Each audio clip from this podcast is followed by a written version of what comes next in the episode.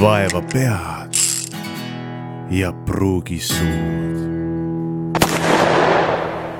ja tere tulemast kuulama saadet Vaeva pead ja pruugi suud. mina olen saatejuht Samu Alaksen Maikalu ja minuga istub siin laua ümber taas kord üks vahva seltskond, keda te olete juba korra meie raadioeetris kuulnud. ja nimelt meil on siin koosseisus jätkuvalt Markus Aamer, kirikuõpetaja. tervist. tere, on rõõm taas olla selle toreda seltskonnaga siin huvita, huvitava ootuses. Helve Huttunen, kes on siis nõid. tervist, mul ka väga meeldiv, väga tore seltskond, vaatame, ootame huviga. ja Tarvo Talvistu, kes on siis Põltsamaa Ühisgümnaasiumi füüsikaõpetaja. tere eelmisest salvestusest on äh, meil möödas äh, nädal aega. raadioeetris need saated kõlavad tõenäoliselt natukene tihedamalt, aga kuidas teil vahepeal läinud on, me oleme siin võtnud vastu esimesed kuumad suveilmad. kuidas suvi teid vastu võtnud on või kuidas teie suve olete vastu võtnud? väga ägedalt, mul oli sünnipäev, nii et et no, naut-, naut-, tänan jah, nautisin külaliste seltsi ja just õigel ajal tuli see, see päike, nii et äh, tundub, et jumal armastab. ja sai, sai väljas istuda ja, ja nautida seda suveilma hästi. Enda poolt ütlen ka, et tegelikult väga tore, lõpuks ometigi on suvi kätte jõudnud ja, ja vaatasin, et päike paistab üleval, et mis ta niisama tühjalt paistab tuleb kuidagimoodi seda nautida, nii et täie rauaga nauditud. õpetaja suvi tuleb täiendav õppetöö ja eksamitest valmistumise tähe all, ega siin muud ei ole praegu. jah, sellest vist äh, pääsu ei ole õpetaja töös, et tulevad ei, need ei inimesed aasta lõpus, kes äh, ja, ja avastad isegi, et seal mõni nägu on rohkem, keda pole nagu aasta otsa läinud jah. No vot, aga möödunud korral me rääkisime maast ja ilmast, rääkisime äh, meie reaalsusest, äh, kuidas me seda äh, kogeme ja, ja mis see, ja mis see kokkuleppeline reaalsus siis, siis peaks olema.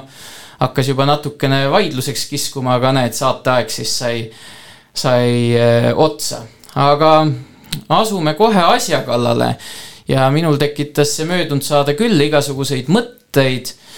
ja ma alustakski kohe sellise küsimusega, et ähm, Helve ähm,, ma äh, kuulsin kunagi Markuse käest äh, saunalaval, et, äh, et sa oled isegi tema juures leeris käinud. ja, ja oled ristitud siinsamas kirikus. vastab see tõele? Loomulikult kui äh, saunalaval on neid jutte räägitud, äh, suur osa on tõde sealt muidugi. no näed, mehed mehed saunas rääkisid, jah? ma muidugi kujutan kohe ette, kuidas teil oli see jutuajamine. aga jaa, ma olen tõesõna siin ristitud ja, ja Markus on nii tore inimene, kes on seda teinud ja ma ütlen ausalt väga-väga suur tänu talle. sest mul oli üks eripalve selle asja juurde mul oli palve, et ta pühitseks mind valgusse. ja ma ütlen kummardus Markuse ees. aitäh. no tänu jumalale, ma, jah, ma mõtlen seda, selle ristimise talituse juures, et ja aina, aina enamalt, mida seda rohkem teen, et, et ühest küljest teen nagu väga lihtsat, lihtsat asja, et ja noh, aga, aga samas jälle mõtlen, et, et mis märk see on ja, ja kui, kui sellest jääb ka märk inimesele, et siis, siis aina, aina enam tekib respekt ja tean, et, et seda ei tee mina. mina olen ainult see vahendaja seal, nii nagu kirikuõpetaja ongi vahendaja tegelikult, et ta ei ole ei ole ise see, kes äh, asju toimetab ei ristimise juures äh, ega muude talituste juures, vaid ta annab inimesele selle pildi, et, äh, et inimesel tekiks visuaal. ja, ja loomulikult nii ristimine kui ka muud toimingud on kõik inimese jumala vahelise, vaheline side. ja, ja see avab, avab tee, nii et seda mina usun ja selles, seda usku mööda siis ka, ka ristin inimesi ikkagi sellesse suurde maailma. Aga ma tahakski küsida, et mida see ristimine sulle siis juurde andis, Helve, et ma olen kuulnud varemgi mõningatelt inimestelt, kes on näiteks läinud äh, mõne esoteeriku või, või nõia juurde abi saama ja siis öeldakse, et ma ei saa sind aidata, et äh, sul pole ristimärki otsa ees või kuidagi niimoodi. noh, ja siis mõnikord olen ka kuulnud, et kuidas need inimesed siis on äh, mingi hetk terveks saanud ja siis pärast on tahtnud seda ristimisvett veel hakata maha pesema endalt. et mida see siis nagu juurde annab, see ristimine ikkagi või, või, või kuidas see sinu arvates siis nagu toimib? no vot, see teema on nüüd selline hmm,, ma ütleks, et nagu mitmetahuline. Tegelikult ma tean, et Kaikanõid oli, oli see inimene, kes ei võtnud vastu ristimata inimesi. et nii palju, kui kuulda on. et ähm, minu jaoks, enda jaoks tähendas see noh, niisugune pühitsemine ma, ma saan aru, et kiriku poole pealt vaadatakse ristimist natukene noh, ühe nurga alt on ju, mida ristimine tähendab. aga minu jaoks on see püha toiming, mingisuguse pühitsemise toiming. mul on keeruline seda selgitada, noh, see on tunne, see on selline omapärane tunne, et on vaja, et äh, sulle antakse õigus olla kuskil vot see on minu jaoks nagu noh, nimetame siis seda pühitsemist nii. et õigus kuuluda kuhugi, õigus kuskilt maalt edasi minna. ja, ja noh, selle jaoks on pühitsust vaja teha. Muide, ega nõiamaailmas on samamoodi, ega seal on ju ka eri, erinevad tasandid, erinevad ametid. ja need on kõik noh, nagu läbi pühitsemise et noh, kuskilt maalt äh, edasiliikumiseks on vaja pühitseda seda, seda uut, äh, uut maailma või uut tasandit, sinna jõudmist. see on jah, see on selline no hästi hingeline, võib-olla mõni ei saa aru, kui liiga mõistusega võtta. nii nagu kiriku teemat on ka väga keeruline aru saada, kui võtta ainult mõistusega, et peab natukene sügavamalt ka minema. et noh, minu jaoks tähendab see seda, mida ta juurde on andnud no peab ta kogu aeg midagi andma. lihtsalt ma tunnen, et ma olen kuskil. noh, see ongi. et kas seal oleks siis võinud mõni teine riitus ka olla, et kui me elaks näiteks Indias, siis sa teeksid mingisuguse teise teist sorti. väga võimalik, ma ei läbi. saa öelda, kui ma Indias oleks, et mida ma siis teeksin. ma saan rääkida seda, mida ma nüüd ja praegu siin teen. et noh, tegelikult äh, siin oligi noh, see, mm, see rituaalne tegevus, sest see on rituaalne tegevus. et äh, see oli õige, ma tegin südame järgi, tunne oli ja, ja seega ma kuulan oma südant, nii nagu ma alguses eelmine saade ütlesin, et äh, tegutse oma südame järgi ja nii ma siis tegin. ja, ja noh, see oli, see oli sel hetkel kõige õigem, aga ta otseselt ei anna midagi sellist, et vot nüüd ma tulen ma ei tea, nüüd ma, kui ma olen selle riituse läbi teinud ja nüüd äkki ma ei tea, mingi aupaiste on pea kohal või kuskil midagi, ma ei tea, kukub sülle midagi. Neid asju nii ei käi, see on pigem niisugune sisemine olemine, sisemine tunne aga kas see on ka mingisugune kaitse või kas üldse tuleb kaitset teha või ei tule või kuidas, kui avatud sa saad inimestega olla eh, või tohid olla, et selliselt, et, et nende inimeste olemus sinu, sin-, sinusse ei nakkuks?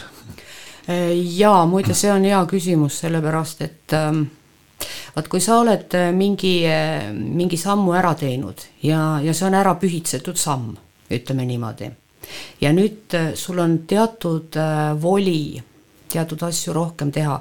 ma ei räägi sellest, et sa võid nüüd minna ja kellelegi, ma ei tea, midagi kurja teha. ma ei räägi kurjast, vaid just nimelt, et sul on nagu voli puudutada mingeid äh, nurki inimesega töös, mida muidu ei oleks hea ja ei tohiks. et see ongi kaitse et noh, sa oled kaitstud, et sa, sa tohid inimese hinge teatud selliste külgede kallale, jutumärkides kallale minna. ja, ja nii nagu kirikuõpetaja on ju samamoodi, sa Markus ju samamoodi tead no mina ei lähe kantslisse rääkima, kuigi mõnikord tahaks hea meelega minna, ma ütlen ausalt. aga sa lähed sinna, sul on see õigus, vot, vot seesama voli on midagi, e, inimeste hinge puudutada mingisuguse kõnega, ütlemisega, sõnumiga, on ju, vot täpselt samamoodi et me, ma saan sinust väga hästi sinu ametist, saan aru, me oleme noh, sarnasemad võib-olla kui ütleme, mõistus ütleks, kuidas nõid ja kirikuõpetaja sarnased on ju. tegelikult sisult me oleme sarnasemad, kui me arvame. aga nüüd Tarvo käest tahaks seda teada, et mismoodi sina tunned seda, et, et selle hinge, inimhinge olemust ja, ja see, et kas see võib teist inimest mõjutada või ütleme, et kas teine inimene võib ka teist nii-öelda ära needa või, või kuidagi, kuidagi midagi halba teha nii-öelda hingeliselt halba teha. Tarvo, kas sa muidu ise oled ristitud lisaks sellele küsimusele, mis Markus küsis? ei ole. niisugune kindlate vaadetega inimene, ka teda ei mõjuta mingi selline jutt sellest, et noh, nüüd keegi pani või, või kuidagi pani needust või midagi ütles. sest noh, nagu me eelmine saade ka rääkisime, et noh, et siis ja kuidas nende vastastikmõjudega on, mida inimkond on suutnud välja uurida, et noh, nendest ta nüüd siis kindlasti noh, mingit mõju avaldada lihtsalt ei saa, see ei ole võimalik, aga teine asi on see, et noh, et see psühholoogia maailm, et kuidas seal on, noh ja, ja ütleme, et nüüd äh, mina õppisin sellel ajal, kui see äh, noh ja olin koolis, kui sellesse piiblisse ja, ja usku üldse hästi ei vaadatud, aga noh, ega ega siis need inimesed seda kõike ju, mis riiklikult ja ametlikult räägitud, räägiti, ei uskunud. Ja noh, hiljem ma olen siis oma käe peal uurinud neid asju ja, ja siis noh, kust mida sai kätte, et noh, näiteks seesamane piibel, eks ole, et kust ta alguse sai, see sõnagi näiteks on ju Foiniike linn, kus mingi biblio või mis ta oli, kus papüürust tehti ja sealt hakkas ta tulema ja siis noh, see algne piibel ju tegelikult ei ole üldse mõeldud selle jaoks, et seda inimesed ise loevad, vaid see on mõeldud kirikus ettekandmiseks. ta ju koosnes konsonantidest põhiliselt ja noh, ütleme, et see, kes siis seda tõlgendama hakkas, see pidi siis kakskümmend viis aastat õppima, ma ei tea, mis ta vanus võis olla, viisteist või siis veel pluss kakskümmend viis, siis ta sai alles nagu korralikuks selliseks jutustajaks, nii et see piibel on mõeldud selleks, et inimestele ta ette kantaks. ja ütleme, et see konsonandi asi on nüüd selline, et ta siis noh, ütleme, võrrelda siis tänapäeval näiteks Google tõlkega. et tuleb mingisugused sõnad ette ja siis see masin sul paneb õigeks ta, eks ole, nii palju, kui ta oskab siis noh, ütleme omal ajal siis vot see, kes nüüd õppis kõvasti, vot tema läks siis rääkis rahvale, et põhimõtteliselt tänapäeval see kirikus käimine ongi selline asi noh, ütleme hiljem nüüd tulid need vokaalid ja muud asjad ka sinna sisse, eks ole, aga siis noh, see kuidas piiblist aru saada, see ongi siis niimoodi, et noh, see Luter vist oli see, kes nüüd tuli sellega välja, et igaüks peaks nagu saama lugeda ja noh, siis ta oli ka suunatud ju minu meelest sellele peremehele, kes siis perele ette luges seda piiblit aga noh, ütleme, mida rohkem sellesse teemasse minna, seda rohkem sa näed, kuidas on abi vaja, noh, kust abi saab? Kirikuõpetaja käest, tema siis kogudusele räägib, kuidas need asjad on, lahti kõik, mis vaja, eks ole, nii et noh, see noh, see piibel ise, eks ole, ta on ju ikkagi noh, mis on selle usu aluseks, et seal on ju kalendrid ja seal apokriivad ja vanasõnad ja, ja, ja noh, niisugused elulood ja noh, ütleme seda ise noh, ma, kui see tuli, siis kõik, kõik lugesid, eks ole, aga noh, näiteks kasvõi see, et jaaga kõik hakkab, see on tegelikult sellest, et seal on kirjavahemärgid peavad olema, eks ole, et noh, et ta ja kui üldse lugema hakata, siis Uuest Testamendist ja siis Vana juurde minna, nii et noh, ühesõnaga see maailm seal ja kuidas seda asja seal noh, esitatud on. vot eelmine kord ma rääkisin piibli tõlgetest, noh seal suurte rahvaste hulgas saab kuskil ma ei tea, paarkümmend tõlget võib-olla aastas teha, eks ole, aga palju nüüd Eestis saab, noh näiteks niisugune asi nagu sõna manna. noh, see on äh, selles äh, keeles on, et mis see on, aga noh, meil on ta toiduaine tähenduses ja kui seal piiblis siis tuli see kõik sinna maha kõik, eks ole, et noh, et need tulid vaatama, need israeliidid, mis see on, ütlesid manna, noh, meil on nüüd see toiduaine, nendel on see ikkagi see, mis see on, eks ole, tähenduses. Ja noh, siis on neid tõlgenduskohti veel, nii et ütleme, et selleks, et nüüd noh, endale nüüd siis ja lisaks sellele noh, kristlikule maailmale, kus meie elame on ju veel teisi kastuskusid või, või noh, ütleme religioone. et, eh, et noh, siis nüüd kuidagi peavad nad siin maailmas kõik läbi saama ja, ja siis eh, ütleme sellelt pinnalt see noh, elu jooksul ei jõua ju kõigesse nii palju süveneda, et noh, mina olen jäänud nüüd ka ikkagi selle juurde, et enda jaoks, et noh, see seal kümnes käsus kirjas on piiblis, et see võiks olla nüüd aluseks kõigile.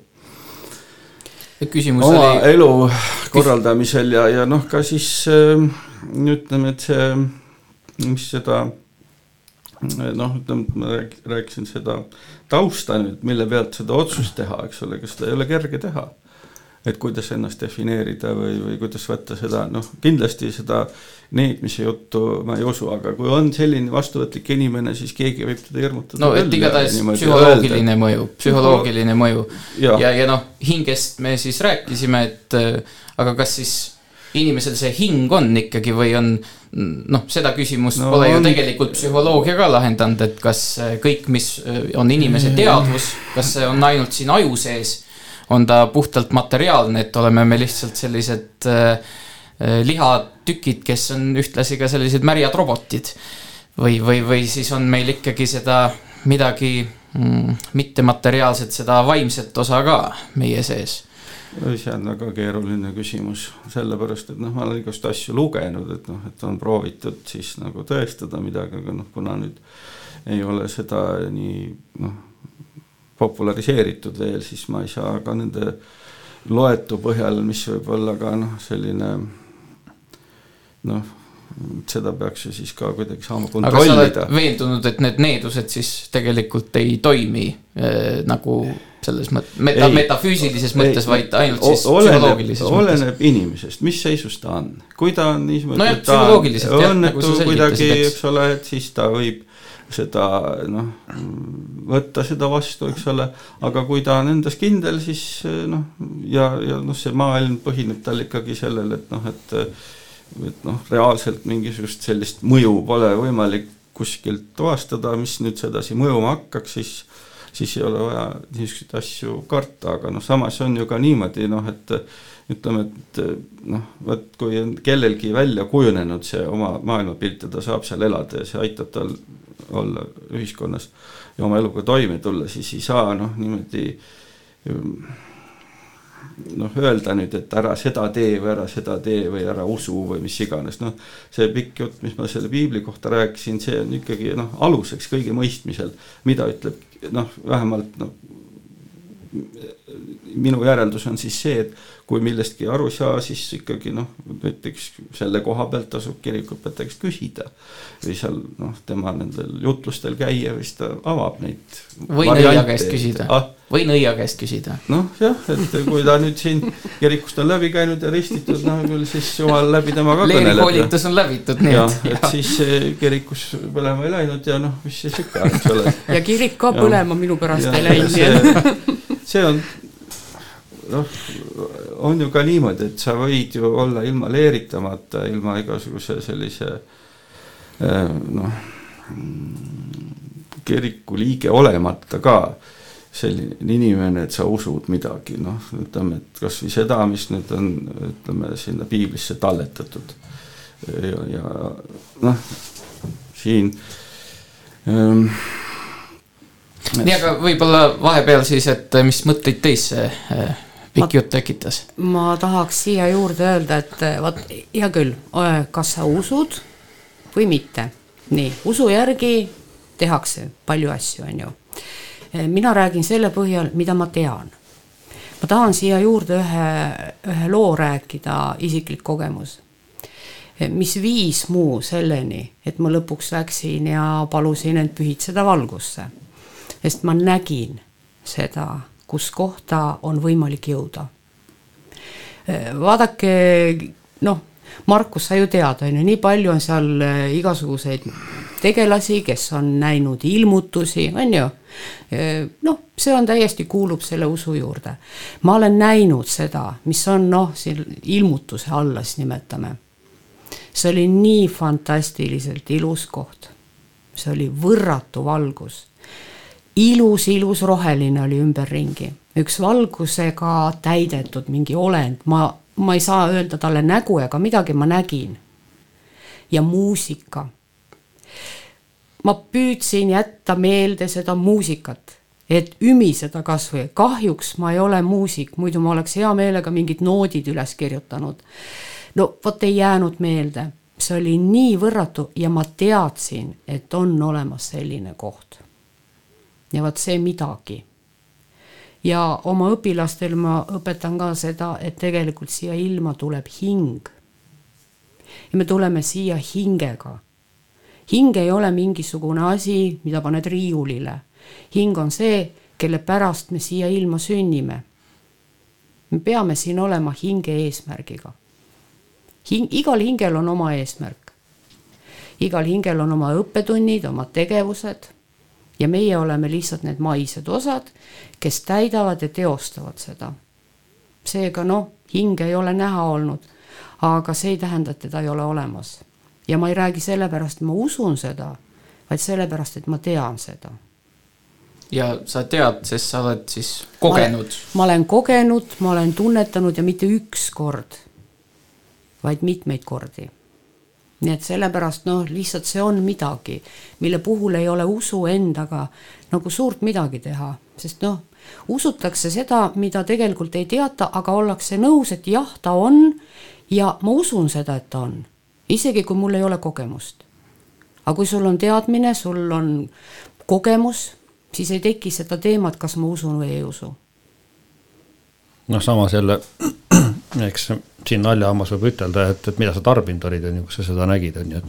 kärbse seeni loomulikult et, ähm, et noh, see on nii nagu siis see püha vaimu tulekugagi, et, et kui siis äh, tuli ja, ja mingisugune eriline sündmus nagu toimus mingisugune eriline väljund, et äh, need äh, inimesed hakkavad seal siis rääkima teisi keeli, aga noh, kas neid keeli, mida siis Mm, ümber olevat oma nii-öelda äh, pärandkeeleks, peavad oma sünnipäraseks keeleks. ja noh, siis mõned, mõned usuvad seda, teised ütlevad, ah, nad on täis magusat viina, on ju. et ähm, ja, ja siis Peetrus peab hakkama seal rääkima, et noh, kuulge, ei saa olla, sellepärast et kell on alles kell üheksa hommikul ju, et keegi pole veel joonud, et noh, meie traditsioonis seda ei ole juhtunud. et noh, jah, et äh, eks ähm, eks kui me, kui me räägime seda vaimu teemat, siis Mm, siis äh, ikkagi noh, lõpuks ta tegelikult ikkagi baseerub äh, usule, nagu kõik asjad meil tegelikult elus usule baseeruvad. Mm, et me, me lõpuks peame õpet-, õpetajad ka uskuma, et õpetaja ajab õiget juttu ja, ja et, et ma usaldan, et, et see, mida ta seal räägib, ei, ei ole mitte noh, pläma, vaid, vaid tõelisus. sealt hakkab, hakkab lõpuks pihta see edasi, edasiareng et noh, milli-, kuhu me selle, selle äh, astme nagu paneme. ja, ja noh, mina isiklikult ei ole äh, ühtegi sellist äh, vaimu, vaimukogemust saanud, ei ole midagi näinud. ütlen, et olen suhteliselt tuim tükk. aga samas jälle olen olnud selliste kogemuste juures, kus noh, inimesed on oma, oma sündmused rääkinud ja, ja nüüd noh, olenemata sellest, et mina seda näinud ei ole, ma aktsepteerin ma nende inimeste juttu, et, et nemad on midagi kogenud. Ja, ja noh, siis ütleme, et sama, et, et lähtun nii-öelda samast vaatenurgast, et kuidas siis üks lugu räägib, kuidas seal Punasele väljakule Moskvasse siis aeti kõik inimesed kokku, et et teha siis usuvastast propagandat ja noh, lõpuks, et ja nüüd viibutame jumala rusikat. juut siis jääb seal natukene niimoodi kohmetult seisma ja ei tõsta rusikat püsti ja teine naaber, kuule, öeldi, et jumalale tuleb rusikat viibutada. et ma jäin nüüd mõtlema seda, et kui siin jumalat nüüd ei ole, kellele ma siis rusikat viibutan, aga kui ta äkki on, siis ei tasu narrima hakata. ja et noh, et see ei tähenda seda, et kas mul isiklikult on kogemusi või ei ole. et me ei tea sellest, sellest vaimsest maailmast, aga paratamatult me kusagil taipame, et, et midagi, midagi justkui nagu oleks, sest noh, inimesed ütlevad, et on mingi kõrgem võim. noh, nad, nad ütlevad ja tunnetavad seda, et, et noh, midagi on, mida me ei suuda seletada, aga, aga noh, nagu oleks olemas ja, ja siis noh, tekibki, tekibki see küsimus, et millise respektiga sellesse, sellesse suhtutakse. et kas öeldakse, et, et mida sa nüüd tarbinud oled, on ju, et sa mulle sellist, sellist juttu ajad või lihtsalt hakatakse siis mõtlema, et ah hea küll, võib-olla jätan selle rahule, kas ma siis jõuan ise selleni või ei jõua. aga ma ei hakka pigem, pigem vaidlema ja, ja noh ükskord võib-olla, kui mingisugune kogemus tuleb, sest noh, põhimõtteliselt me elame ju tegelikult kogemuste pealt. et, ähm, et kui me ka seletaksime ära, mida see, see hing peaks tähendama, kui, kui ka keegi, no ka piiblis öeldakse, kui, kui ka keegi tuleks surmavallast tagasi ja, ja räägiks selle ära, ega nad ei usu. sest neil on juba olemas Moosese prohvetid, kes sellest kõigest on kuulutanud, et, et aga kui ka inimene tuleks ja, ja ütleks, mul on kogemus, siis ta tegelikult ei suuda seda kogemust jagada, kuna see teine inimene, kel, kellele tahab, tahab sellest surmast rääkida, ei oma sama, sama kogemust, ei oma samu sõnu. nii et noh, siis jälle, jälle üks jutt on ju, et kui siis Amundsen sõitis siin oma kuuma õhupalliga mööda ilma ringi ja, ja siis siin Suure-Jaani poolt siis see, see lugu. ja siis viskab sealt ühe ühe siis paberis lipaka sellest oma kuuma õhupalli korvist välja. külamees seda näeb, loeb, mitte midagi aru ei saa. Läheb järgmine päev koolipapa juurde, see tuvastab ära, et rootsi keel, hakkab siis seda tõlkima ja, ja siis on seal kirjas, et kui ma olen lõuna pool Soome lahte, siis tõstke parem käsi, kui ma olen vasakul pool Soome lahte, siis tõstke vasak käsi. või tuleb põhja pool noh, muidugi Amundsen oli all, ammu läinud ja see vist oli tema viimane eh, õhupallireis, et sealt ta siis kaduma jäi. et ta ei teadnud, kus kohas ta on. aga kui külamees siis läks, mm, läks koolipapale rääkima, et, et mida tema nägi. suur siga lendas seal õhus ja sealt kukkus üks selline asjakene välja jah, aga ta ei osanud rääkida, et see kuum õhupall oli või midagi taolist. nii et noh, meil, meil ei ole samu kogemusi, siis, siis me ei oska neid asju edasi anda, me, nii et, et need oleksid arusaadavad. aga mina kogen praegu seda, et kõrgemad jõud ütlevad, et on aeg minna väikesele pausile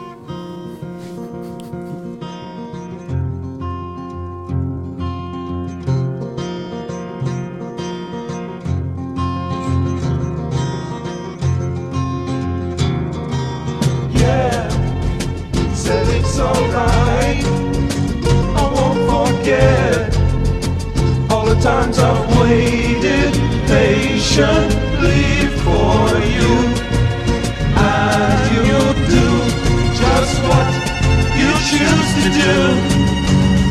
And I will.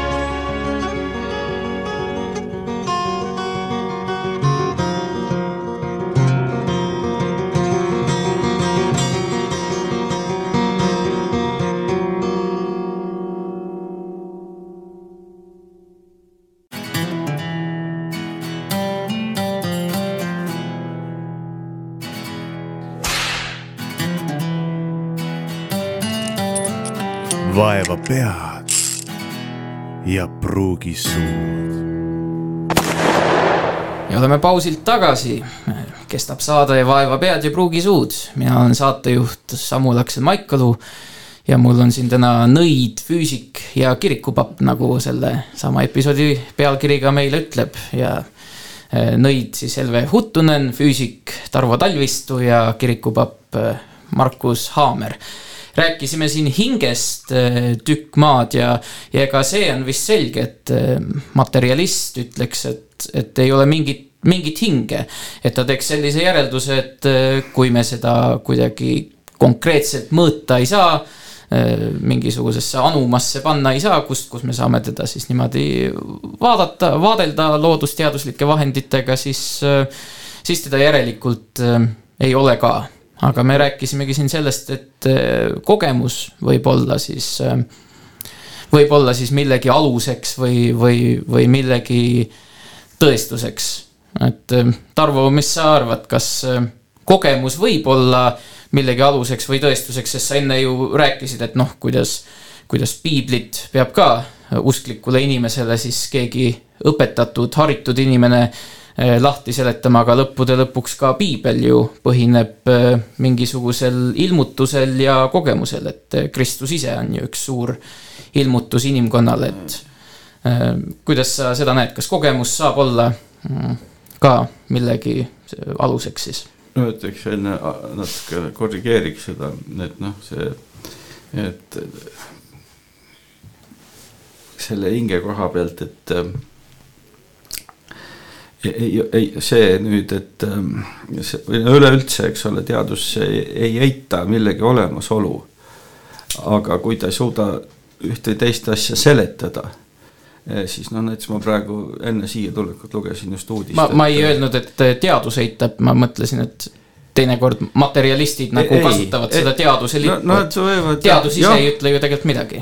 ei, ta ütleb seda, et uurime asja, et noh, see nüüd teaduses ei ole kunagi niimoodi, et nüüd väga kategooriliselt midagi väidetakse, ega seal teaduses ju noh, ega seal ei ole autoriteete nagu noh, ütleme, jumal on, eks ole religioonis, seal on paremal juhul on eksperdid ja, ja siis eh, noh, rohkem ei ole, et noh, et kui praegu ei saa jagu, ei oska, eks siis ei tea, ei ole teadmisi, siis uurime, vaatame.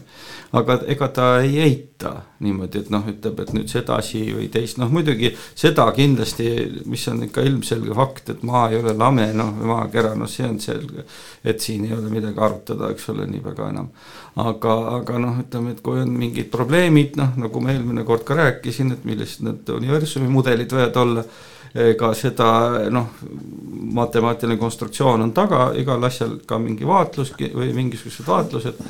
ja, ja need ei ole noh, kuskilt niimoodi nüüd laest võetud, aga noh, üks ja teine asi jääb ikka seletamata seal näiteks, siis on vaja jälle uusi mõtteid mõelda ja noh, siis ikkagi tugineda sellele, mis siiamaani on teada. noh, nendest mudelitest ma eelmises saates rääkisin kolmest noh, nii pinnapealselt puudutasin seda, aga mis kogemusse puutub, siis see on niivõrd individuaalne. et selle peale nüüd äh, äh, noh, see, see on nagu õppeainetega, mõni oskab hästi matemaatikat, mõni oskab hästi eesti keelt, mõni oskab kõiki aineid hästi, eks ole, noh, kõigil on järelikult ka erinev kogemus. nii et selle peale nüüd teha mingit ähm, noh, usku või religiooni selle seda, see on üsna niisugune noh, kahtlane rada, mida mööda minna. et keegi nüüd nägi midagi ja siis ütleb nüüd teistele edasi, et noh, et see või nägi unes või kuidagi, eks ole, et see on, noh, ma toon ühe näite, mis ma nüüd hiljaaegu jälle, ahah, pidin ütlema selle ära, mis hiljaaegu see NASA tegi, et ta avas uurimisrühma seletamatute atmosfäärnähtuste uurimiseks. nii et noh, teadus tunnistab endale, et vot praegu veel ei tea, aga uurime välja, vaatame, kas sammas hakkab peale. aga selle kogemuse põhjal ma toon ühe näite, eks ole, noh, see on noh, kõik noh, siin on ju teada, et noh, need nägemused on või noh, kujutelmad on tulnud, eks ole, ilmunud välja, eks ole, siis inimesed on midagi arvanud sellest, eks ole, ja siis sealt on tulnud edasi, mis siis kõik usuvad või siis ei usu. aga noh, ütleme, et ega see ei ole ju ainult, ütleme sellest piibli ajast, vaid noh, ütleme ka nõukogude ajal oli ju niimoodi, et äh,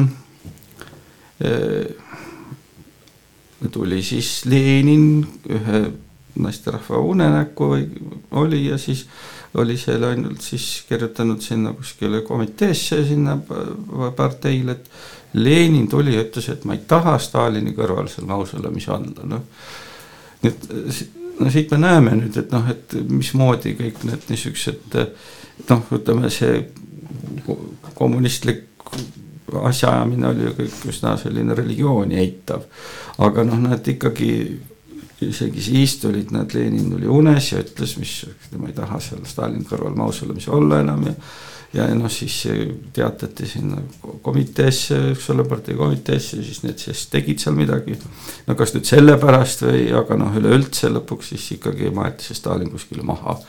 ja, ja siis ähm, noh, aga nende igasuguste nägemustega ongi ju niimoodi ka, et noh, siit nüüd midagi nii või mis keegi näeb, arvata. see, see. ma segaks no, siia korra vahele, tegelikult. see on nii äh, segane lugu, et ma ei oskagi rohkem midagi öelda, et ei maksa sellest arvata, et nüüd, kui keegi midagi näeb, et see nüüd tegelikult ka nii on. ja noh, see eelmine kord, kui ma siin hakkasin sellest piiblist rääkima, see hinge asi, et väga hea oleks, kui ta oleks kõik niimoodi, aga tõendeid ei ole selle kohta kuskilt võtta niimoodi nagu noh, selles loodusteaduslikus mõttes, nii et noh, siin on selline kahe vahel olek siis, et, et äh, ma tahaks siia juurde öelda seda, et tegelikult kogemusi on äh, nii-öelda kahte sorti. üks on isiklik kogemus, mida, mida saab inimene ainult iseendal selgitada ja teised saavad ainult uskuda. aga on teine kogemus, kogetakse midagi, mis on tõesti nagu on olemas aga mida teised näinud ei ole. vaadake, need on ju suur vahe. mina oma töös nimetan sellist, ma olen nimetanud ise oma, oma mõistes, nii et see on pingviini teema. vaadake, kui pingviinile rääkida palmidest. palmid on olemas, on ju? aga pingviin ei ole näinud neid palme. ja nüüd sina räägid pingviinile, on kuskil palm ta saadab su pikalt, vot küsibki, milliseid seeni sa tarbinud oled ja nii edasi. mõni pingviin usub, ta pole ise näinud, aga ta usub, kui talle öeldakse, kuskil on mingi imelik asi, mille nimi on palm. vot selline kogemus on ka. nii et kui mõnele rääkida millestki, mida ta ise ei ole eh, kogenud, mis ei tähenda, et seda ei ole olemas, ta on olemas, aga tema ei ole näinud seda siis siin ongi see usu teema et kas ma usun seda, et tõesti, kuigi mina ei ole tunnetanud, mina ei ole näinud, aga ma usaldan ja usun seda, kes ütleb, et see on. ma mm. usun, vot siin on vahe, mina tean, et on palm, aga teine usub, et on palm. et noh, selles suhtes on need kogemused on äh, nii-öelda kaks erinevat tasandit. üks tasand on väga isiklik, sinna kuuluvad need nägemused. et tõesõna ükskõik kes mida näeb, tunnetab läbi unenäo, vahet ei ole, näeb mingeid ilmutusi. tegelikult on see kõik tõene, aga see tuleb konkreetselt ühe inimese kogemuse kaudu, ülejäänutel jääb üle ainult uskuda või mitte aga kui keegi, kes on seda näinud ja mitu inimest on näinud ja paljud on näinud, siis midagi peab ju olema. seega see kogemus ütleb, et kuigi ülejäänud ei ole ise kokku puutunud, aga see ei tähenda, et teda ei ole. nii on hingega ka. nii on tegelikult ka ütleme, see surmatunnetus. ma olen korra teinud läbi siin elus suremise. ma olen olnud oma keha kõrval. ma olen näinud oma keha kõrvalt. ma olen näinud, kuidas siblivad ümber keha. medtöötajad üritavad siis nii-öelda elule tagasi tuua. et ma olen seda kogenud, ma olen näinud ja neid surmakogemusi on ju tegelikult kirja pandud väga palju. seega mul ei ole vaja enam uskuda, ma tean, et on olemas niimoodi. et noh, nagu see, et ma ei ole enam pingviin sellel alal see, see surmajärgne kogemus oli näiteks Eino Baskinil ka, ta rääkis, et et tema ja Jeesus Kristus on siis kaks kanget juuti, kes on siis tulnud tagasi sealt surmavallast ja tema rääkis, et tema oli näinud siis, kui ta pikalt haige oli ja teadused ümberringi oli hästi palju vett. et noh, siin nüüd ähm, ja noh, seda nüüd teised keegi näinud ei olnud, aga noh, nii ta rääkis, et. Ähm, vot see on nüüd see isiklik kogemus. Äh, surma võib kogeda ka väga erineval moel, vot ongi väga isiklikul moel, aga see, et sa näed end kõrvalt, näed oma keha kõrvalt, see on enamasti kõikidel on, kes on teinud läbi selle raja, seega kui me räägime hingest, kas ta on olemas, mis asi see kõrval seisis ja vaatas, öelge mulle palun. ma ei tea, Eino Baskin sellest ei rääkinud midagi no,, ma ei pannud tähele, aga noh, sedasi ei saa kindlasti, et nüüd, kui paljud näevad midagi ja, ja siis arvavad, et see nii on, siis tegelikult ka nii on. sedasi noh, on see on väga-väga kahtlane seda teed mööda minna. ma tõin minna. lihtsalt näite, et kui no. juba mitte ainult üks ei ole, ta ei lähe enam isiklik kogemus no., noh, väga isiklik, vaid ta on nagu millegi tunnetamine, et midagi kuskil on. igaüks võib ju erineval moel seda tunnetada, aga midagi on noh, nagu selline keskus või, või mingi põhiosa. ja no eks vaata, siin on see, et, et mida saab mõõta ja mida ei saa mõõta. et, et kõik kõik äh, need tulemid, mis me teaduslikult oleme võimelised äh, esitama, on ikkagi nendes eeldustes, kus me praegu oleme, et ütleme, et see, see hingeseisund on tegelikult ju teises mõõtmes ja, ja seda noh, ei, ei ole võimalik paraku, et kuna me ei suuda projitseerida endale seda, seda mõõdet juurde et, et mõõtmistulemusi saavutada, siis, siis noh, paratamatult eks me arvatavasti peame kusagil leppima sellega, et, et jääbki äh, tõestamata ja noh, ja siis, siis ongi see, see küsimus, et, et noh, tõdeme seda või ei tõde. Ja ja noh, mul on äh, ka olnud noh, ühe, ühe inimesega juttu, kes oli mm, arsti äh, õppejõud ja ühel matusel ta siis äh, ka rääkis oma, oma surmakogemusest ka ja, ja kuna siis ta oli nagu noh, minu arvates siis äh, õppejõud äh, on hakta, hakanud doktoritööd kirjutama ja, ja nii edasi, et noh, nagu peaks olema selline arvestatav isik. et noh, küsisin, et, et kas sa oled oma lugu rääkinud ja ta ütleb, et, et ei ole, aga noh, et ega keegi seda niikuinii ei usu. ja ja noh, nii, nii ta muidugi lähebki ja, ja nüüd küsimus on, et, et kui palju me seda, seda mõõtma üldse peame või, või millise tõestuseni me peame jõudma.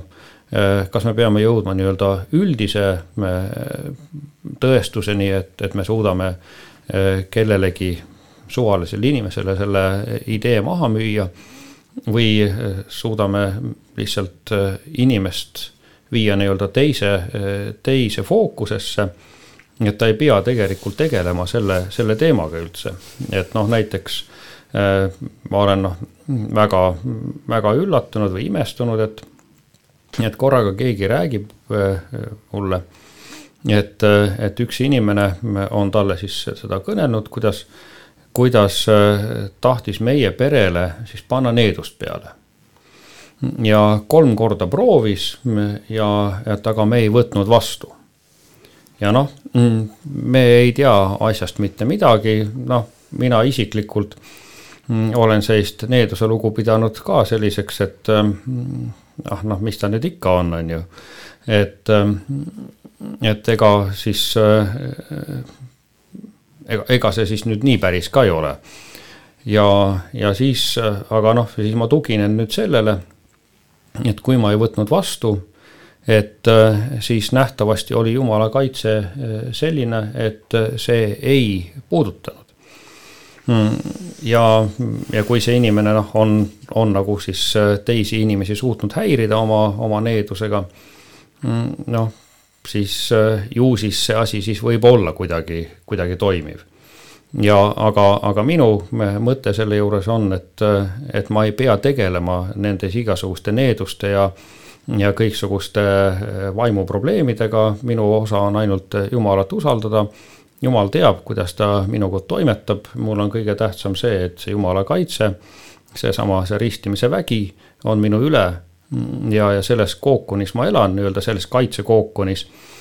ja, ja ma olen noh, selles maailmas vaba, et igasuguste võõraste eh, võimude või ütleme, nende dimensioonide eh, vaatest, mida mina ei halda ja, ja milles ei ole mitte mingisugust sellist ettekujutust ka olemas ja, ja ma saan nii-öelda rahulikult elada lihtsalt praegu ja siin, eh, teha oma toimetusi ja, ja ma, ma ei karda midagi enamat. ja siis, siis ütlengi, on olemas, ei ole, noh, kama kaks, noh, kui keegi ütleb, et on olemas, siis las olla olemas. kui ta ei usu, siis ütlen, noh, ära usu, on ju.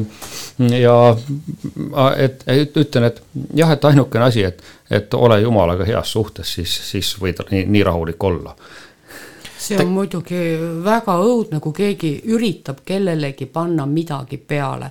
et äh, ausalt öelda, ma loodan väga, et see, see süüdistus ei olnud minu kohta. ei olnud jumal tänatud, ma tean, et mul on korra Äh, esitatud selline süüdistus, et äh, inimene, kes oma äriga no mitte grammigi vaeva ei näinud ja, ja hakkas lõpuks mind süüdistama, et ma olen tema äri ära neednud, ma pole eluilmas mitte kellelegi mitte midagi teinud, ma ütlen seda avalikult otse välja. Aga nüüd ähm, korra puudutaks seda needuse teemat, vaata noh, siin on läbi käinud juba see jutt et äh, mis asi see needus üldse on, vot muudkui, kõik muudkui panevad peale või võtavad ära või teevad midagi, on ju, noh, jälle üks selline teema, millest on väga keeruline aru saada, et noh, siis ongi, et kas keegi usub või ei usu seda, tegelikult äh, noh, ütleme, needusel on omad äh, reeglistikud või kogu see süsteem on väga keeruline, ma ei hakka siin nii laialt rääkima, aga ütlen, et ta on, ta on nagu millegi võõra istutamine sinusse vaata niimoodi võib ka mõttega, tõesti nii nagu härra füüsik ütles, eks ju, et kas keegi usub, siis hakkab külge, kui ei usu, ei hakka külge, on ju. ja, ja tegelikult ta niimoodi ongi, et kui me laseme ta noh, kasvõi oma mõttega või oma hirmuga ligi, et me teeme ukse lahti, et midagi võõrast tuleb meisse, needus on võõrnähtus meie enda olemises. ja kui nüüd Markusele ja perele talle mitte midagi külge ei hakanud, tõesõna, tal on kaitse peal ja, ja vahet ei ole, prõmmige nii palju sinna ukse pihta, kui tahate, lihtsalt ei tule läbi. kuna vot seesamane usaldus millegi eh, suhtes ja millegi vastu, mis on kõrgem kui meie, sellisel juhul see ongi juba kaitse, ei olegi vaja karta mitte midagi. et aga on iseenesest võimalik neid asju teha nii et. nii, Tarvo, sa muigad juba, seal. juba muigab millegipärast, ei, ma ei ole jälle seeni tarvitanud. ei, ei, mul tuli meelde praegu see needusega seoses Oskar Lutsu tagahoovis, kus oli üks Hiromant Pastelli seal. Ervin Aabel teda mängis vähemalt ühes filmis ja siis ta pani ka seal needust peale. nii et noh, kellel see needus peale pannakse, siis vaadake seda Oskar Lutsu tagahoovis seda Iroman Pastelli tegevust seal ja siis mis järgneb, siis te saate nendest needustest üle ja lahti, et ei ole need asjad nii hullud midagi. ja ei ole need asjad nii lihtsad midagi no.. Need ei ole lihtsad, tegelikult on, reaalselt on selline asi, et, et midagi võõrast on. see on sama hea, kui teile pannakse mingi kruvi seal kuskil luude külge, mingi plaat on ju. Teil organismis, teie kehas on midagi võõrast. nii on energiatega ka jälle ei pea, ei pea uskuma. seda nüüd ikka arst teab, mis ta sinna paneb, sinna midagi võõrast ei panda, sinna pannakse seda ikka, mis ega see metall ikka, ikka oma ei ole ka. ei noh, ei ole küll, aga ega ta siis organismi kahjustada ei tohi, mis siis ei ole ju plaadipanek. aga needus on selle jaoks, et just kahjustaks, nii et vahet ei ole. nojah, siis jälle jõuame sinna Oskar Lutsu tagahoovi ja Jüro-Majand Pastelli juurde tagasi, et vaadake seda, kellel tuleb see probleem, et siis saate no, jagu neist asjadest. jah, ega selles osas, et noh, mina isiklikult arvan seda, et, et noh, ükstapuha tähendab seda, et et mis mulle kas sinna sisse pannakse või ütleme, pannakse mulle siis seda, seda samust vaktsiini või, või, või mis iganes mürki et nii nagu piiblis ütleb, et, et kui me usaldame Jumalat, siis, siis te võite võtta mürkmadusid või, või ükstapuha, mida, mida süüa, on ju, või juua ja see ei tee teile, teile kahju, sellepärast et Jumal kaitseb. ja vot siin nüüd, et et minu jaoks ei ole sellist, sellist suurust, mida Jumal ei saaks inimese juures nii-öelda muuta neutraalseks, kui ta lihtsalt no juhuslikult enda teadmata midagi valesti teeb. ja et, et Jumalal on mingisugune plaan ja vot nüüd sealt üldse lähtub see, et, et selle needusega tegeleda või mitte tegeleda, et, et mina noh mina ei taha nende needustega tegeleda ja noh, ei kuulan lihtsalt inimese ära, kui ta oma, oma needusest räägib, noh, kuidas ma suhtun, see on nüüd oma asi, aga ma püüan seda inimest aidata just selles mõttes, et, et ma saan aru, et tal on mure ja, ja et püüda leida lahendused, kuidas tema murest üle saada. ja, ja, ja et mis teda aitaks mis te, viiks teda välja sellest, sellest häireseisundist ja et ta saaks, saaks tugevaks, sellepärast noh, iga häire lihtsalt inimest nõrgestab ja inimese vastupanuvõimet, et äh, talle noh, iga, iga haigus võib siis nii külge hakata, mida, mida nõrgema tervisega ta on. Nii et, et ka see, et kui ta tunneb enda, enda vaimus või oma hinges või oma, oma sellises noh, sisemises olemuses äh, mingit äh, häiret siis teda lihtsalt tuleb aidata sealt välja ja kas, ja siis, siis enam ei, minu, minu jaoks ei ole vahet, et äh, mismoodi ma seda, äh, seda asja ise enda jaoks lahti seletan.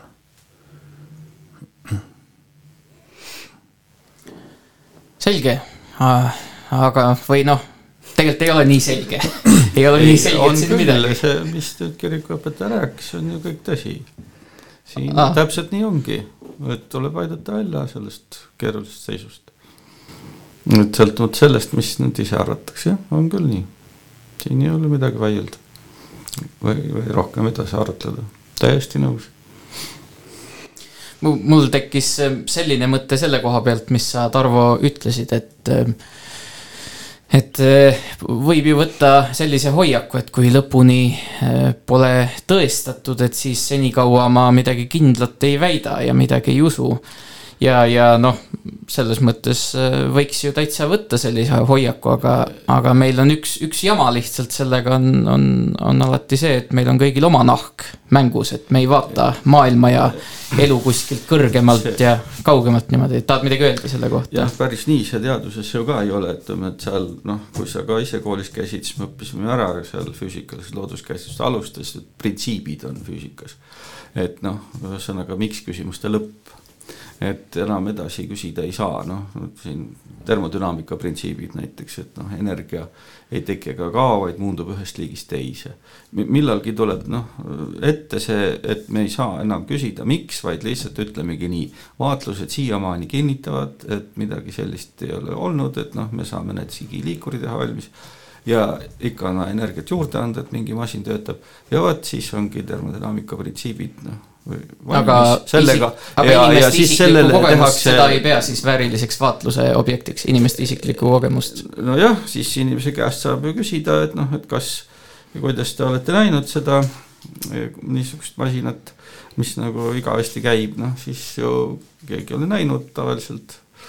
ja, ja siis äh, teha ka ei oska ja siis nii jääbki ja siis sealt tulebki nüüd teadus edasi kõik ma ütleks siia ähm, teaduse kohta ühte, ühte ka ühte asja, vot siin on juba väga toredalt viidatud sellele noh, huumoriga, et mis mingite tarbimiste teemal, siis on ka see, et nagu seal Ervin Abel mängis, on ju, jälle nendel teemadel, et mida ei ole näinud, seda ei ole olemas, on ju, ja et faktiliselt tuleb tõestada kunagi, oi, see on palju aegu tagasi, ühed teadlased tõest-, üks teadlane kirjutas selle kohta mingisuguse väitekirja, ma ei oska nimetada täpselt, mis asi seal oli, oli sauna kahjulikkus inimorganismile.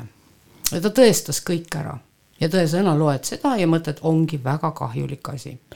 Läks mõni aeg mööda, tuli teine teadlane ja tõestas sauna kasulikkust organismile. ja täpselt samamoodi loed seda ja ütled väga õige. seega küsimus on, mis asi see saun nüüd siis on, on ta kahjulik, on ta kasulik? teadusega on ju ka niimoodi, oleneb selle nurga alt, kuidas on võimalik läheneda nii võib ära tõestada absoluutselt kõik. ei, ole nii, ikka see noh, nüüd see objekt, mida nüüd üks või teine teadlane. see oli näide lihtsalt. ei, ma mõtlengi sedasama näidet, et noh, et see ilmselt teadlased uurisid äh, siis äh, seda sauna mõju inimesele ja noh, on siis vaja vaadata, missugused need inimesed on, millised vanusegrupid, missugused äh, rahvad, missugune sugu, eks ole, kõik niisugused asjad. noh, eelmine kord me rääkisime sellest, et miks rohud on kallid, et põhimõtteliselt noh, kui sauna võtta ka niisugust nagu väikest meditsiiniabi, siis näiteks rohtude puhul on ka, miks nad kallid on, sest uuritakse ju hästi põhjalikult, hästi kaua, tehakse palju katseid. noh, see töö rohu väljaarendamiseks võtab nii palju aega, et ja raha, et noh, inimesed on ju tööl ja palgal, et sellepärast need rohud on kallid. ja, ja noh, selle saunalooga on ka siin mina mingit vastuolu küll ei näe, et noh, et seal nüüd üks ütles ühtepidi, teine teistpidi, sest me ei tea ju, keda nad nüüd uurisid seal täpselt, missugused need inimesed olid nii et siin. eks no. seda saab ju ka kritiseerida, öelda, et näed, ei kontrollita piisavalt, aga siis seda ka. aga mõlemad olid ju õiged. teadusliku, teadusliku ja. meetodi alusel, et. jah, ega, ega milles siin siis vastuolu on. nagu noh, teadlased panevad ka selles mõttes ju puusse ja, ja see on sihuke süsteemisisene kriitika. ei, nad ei pannud puusse, sest noh, see võiski olla mõnele inimeste hulgale ta ongi kahjulik ja mõnele on ta kasulik. ei no ma mõtlen, vaata, siin oli see, mul ei tule nüüd see, see nimi, nimi meelde, aga siin grupp äh, teadlasi võttis ja kirjutas äh, sihilikult siin terve rea niimoodi pseudoteaduslikke artikleid, mis siis avaldati igal pool, igal pool äh, teadusajakirjades ja noh, nad tahtsidki rohkem seda näidata, et et, et need teaduslikud filtrid on nagu palju, palju õhemaks läinud ja, ja, ja et see teaduslik kogukond siis ei suhtu asjasse nagu piisavalt tõsiselt või, või ei kontrolli piisavalt, aga äh, mul on siin äh, ees väga selged tõendid, millega keegi vaielda ei saa ja see on see, et me lähme järgmisele pausile ja kohtume pärast pausi.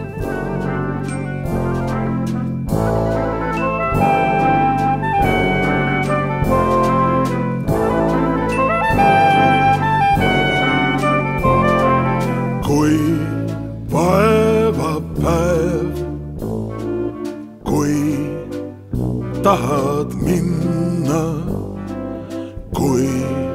painav öö.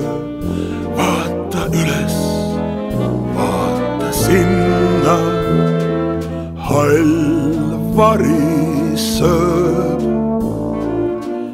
tähtede sära, seal lendab vana mees, vana ingel lendab ära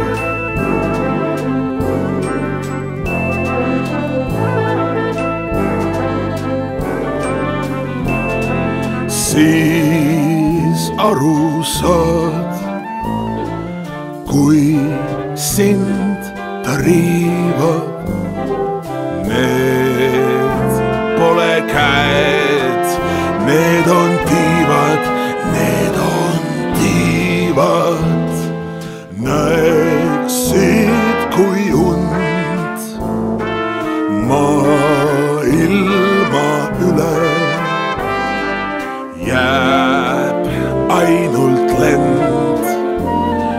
selles unes muud ei ole. ja sa kuula, kuula sa, kuidas oigavad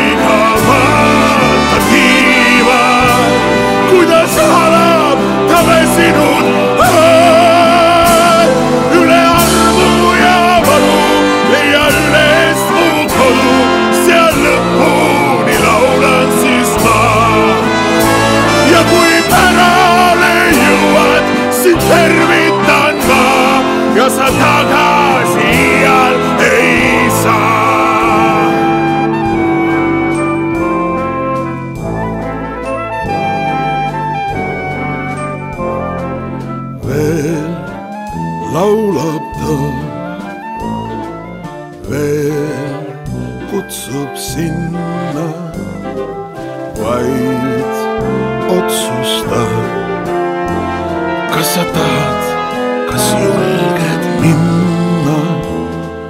veel näitab und tähtede sära, veel kestab tund millal hingel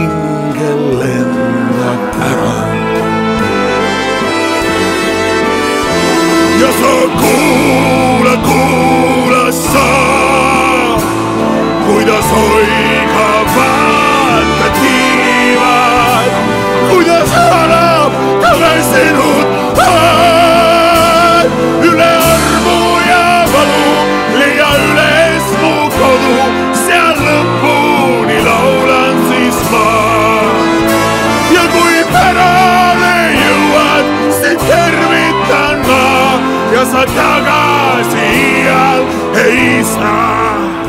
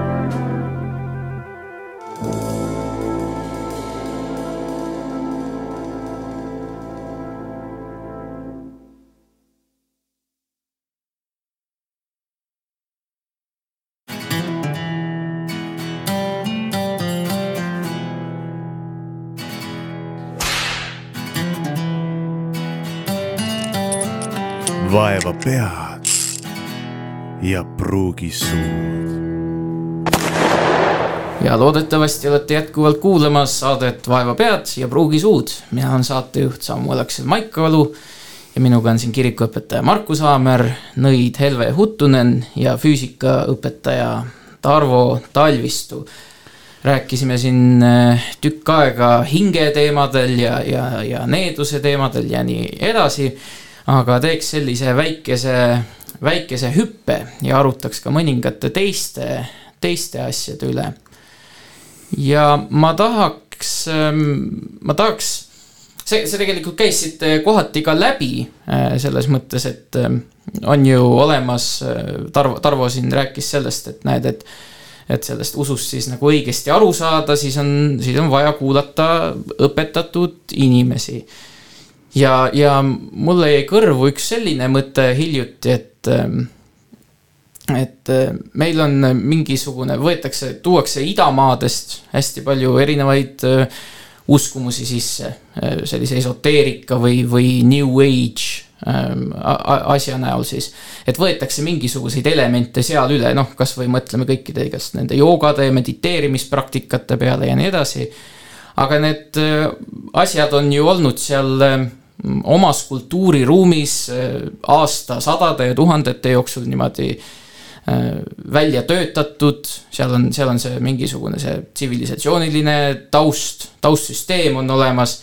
ja siis võetakse sealt mingisugused tükid, võetakse siis meil siia äh, lääne ühiskonda võetakse üle ja tehakse neist selline selline mingi tarbijasõbralik mudel valmis. et meil on ikkagi konsumeristlik ühiskond, kus sul on vaja siis midagi müüa ja siis paned sealt ka mingisuguse sellise sousti moodi asja, asja kokku ja, ja ma kujutan ette, et mõni näiteks, ma ei tea, mõni munk, kes seal kuskil Tiibeti mägedes elab, võib vaadata sellise asja peale, et no näed, mis nad siin meie, meie õpetuste ja, ja, ja asjadega teevad.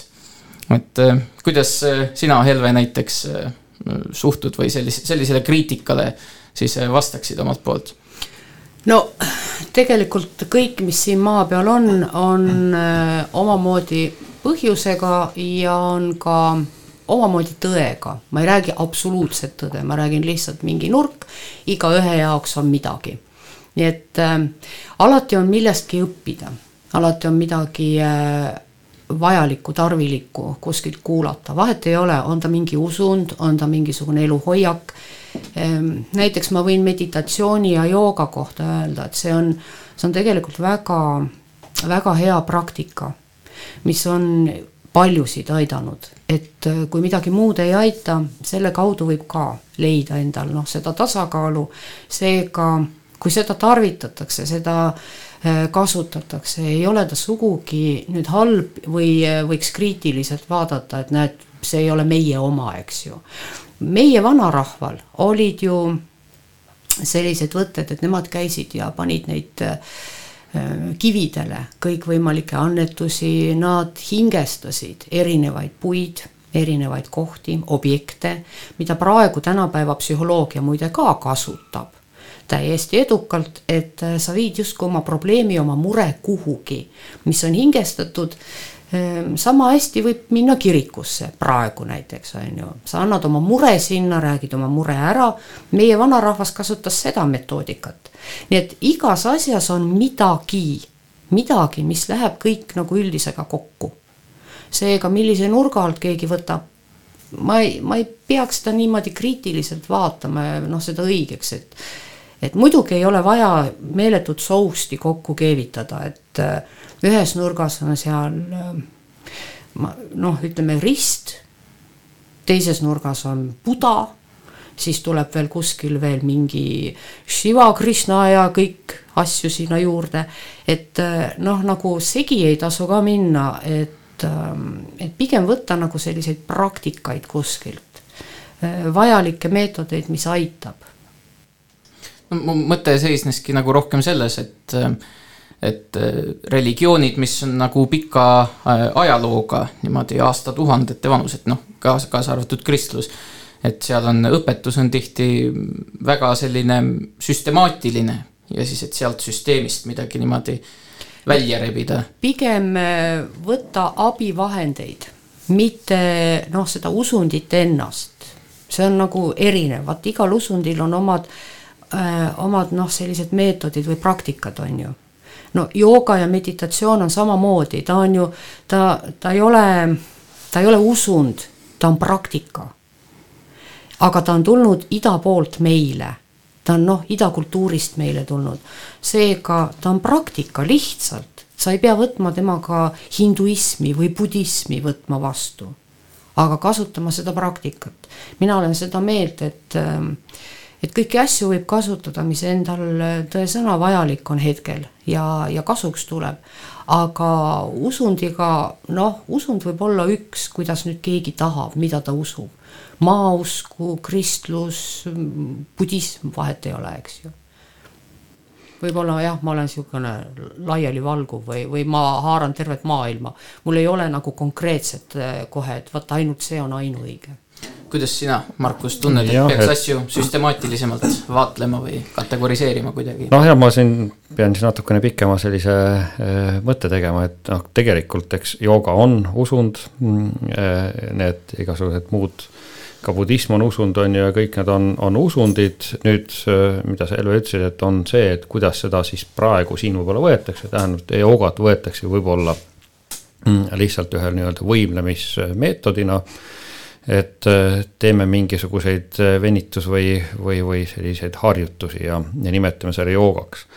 et noh, põhimõtteliselt äh, ei saa seda joogaks nimetada, vaid seda saab lihtsalt mingiks võimlemiseks nimetada, aga noh, et, et ikkagi, kui, kui me tahame, siis, siis seda nii-öelda õigesti nimetada, siis me peame ja mõtelda, siis, siis need on tegelikult religioonid aga saab ka praktikana vaadelda, et äh, ma olen näiteks kuulnud, et on olemas selline asi nagu õllejooga, et õpetatakse sind erinevatest asenditest õlut jooma näiteks. no võib ka jah, ja, ja noh, siin ongi, et nüüd, mm, et mida mis, mismoodi me sellesse asjasse suhtume, et kui me hakkame üldse nagu teadvustama endale, et mida tähendab mm, religioon või kuidas me religioosseks saame, siis või, või ütleme, mingisuguse religioosse pagasi, siis see on paratamatult mm, nii-öelda emotsionaalne, ehk siis nii-öelda ema piimaga kaasa antud olemus mis, mis meis ei pruugi noh, üldse teadvuslikult või teadvustatult äh, väljenduda. aga me räägime ju kristlikust Euroopast, mida see tähendab, see tähendab seda, et, et kristlik, tähendab Euroopa tugineb kristlikel äh, väärtustel. Ja, ja noh, siis püütakse seda väärtushinnangut ellu viia ja noh, kohati teadmata, et, et mida see, see, see väärtus tegelikult tähendab. Ja noh, sellega seonduvalt läheb siis ka asi vahel sassi. ja et inimest kuidagi ümber usustada on väga-väga keeruline, noh, seda on püütud teha, on ju siin nõukogude ajal ka, seda kommunismi religiooni, sest ka kommunism on religioon et seda siis tuues ja et inimese religioossusse tasandit muuta Eh, see õnnestub eh, noh, umbes selline seitsmekümne viie aasta jooksul, et kolme eh, sugu, kolme põlve jooksul. ja, ja vahepeal on selline religioonitu periood, mis siis on, kus inimene on siis väga haavatav, sest tal ei ole nagu seda aluspõhja, millele ta üles ehitab oma, oma kogu, kogu pildi. et religioon on see, mis siis paneb aluse pildi loomiseks, maailmapildi loomiseks.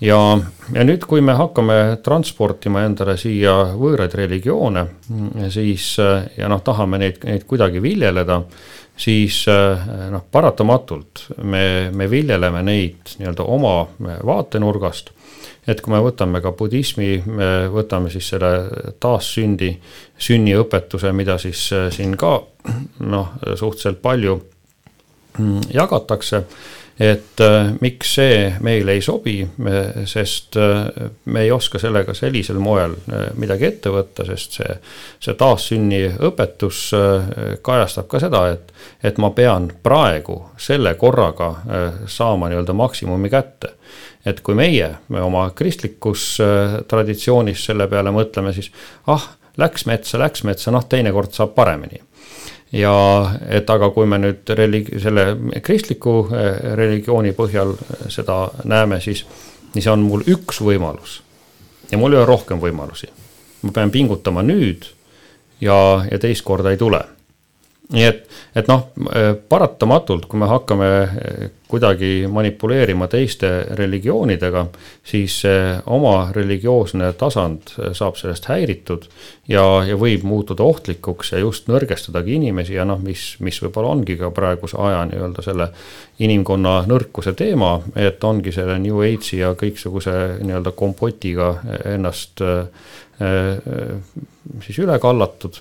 Ja, ja tegelikult ei ole sellist äh, religioosset juurt, millele üldse toetuda. ja, ja siis arvatakse, et me, me siis äh, kuidagi tuleme inimestena toime, aga, aga noh, paratamatult ei ole seda, seda füüsilist jõudu, ei ole tuge ja, ja, ja siis, siis ongi kõiksugused vaimsed nõrkused ja mis, mis iganes.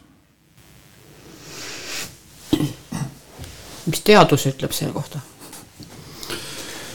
noh, eks see, mida kirikuõpetaja ütles, oli ikkagi õige, et äh, mina täiendaks ainult sa ikka kiidad siin kirikuõpetajat, üritad siin kõige vägevama seda pattu lunastada lihtsalt praegu, sellepärast et midagi on tegemata. noored inimesed peaks ikkagi noh, oma sellele karjäärile aluse panema sedakaudu, et kõik need koolitükid, mis antakse, oleks korralikult õigel ajal tehtud ja siis, kui juba on amet käes, siis äh, noh, võib äh, mõelda neid igasuguseid muid mõtteid ka seoses nüüd sellega, et noh, mis me siin räägime, et kes ma olen ja kuidas ma olen ja mil määral ja sest selge on see, et noh, ilma selle materiaalse väärtuse juurde loomiseta, vähemalt taastamiseta, mida on võimalik teha üksnes siis, kui ollakse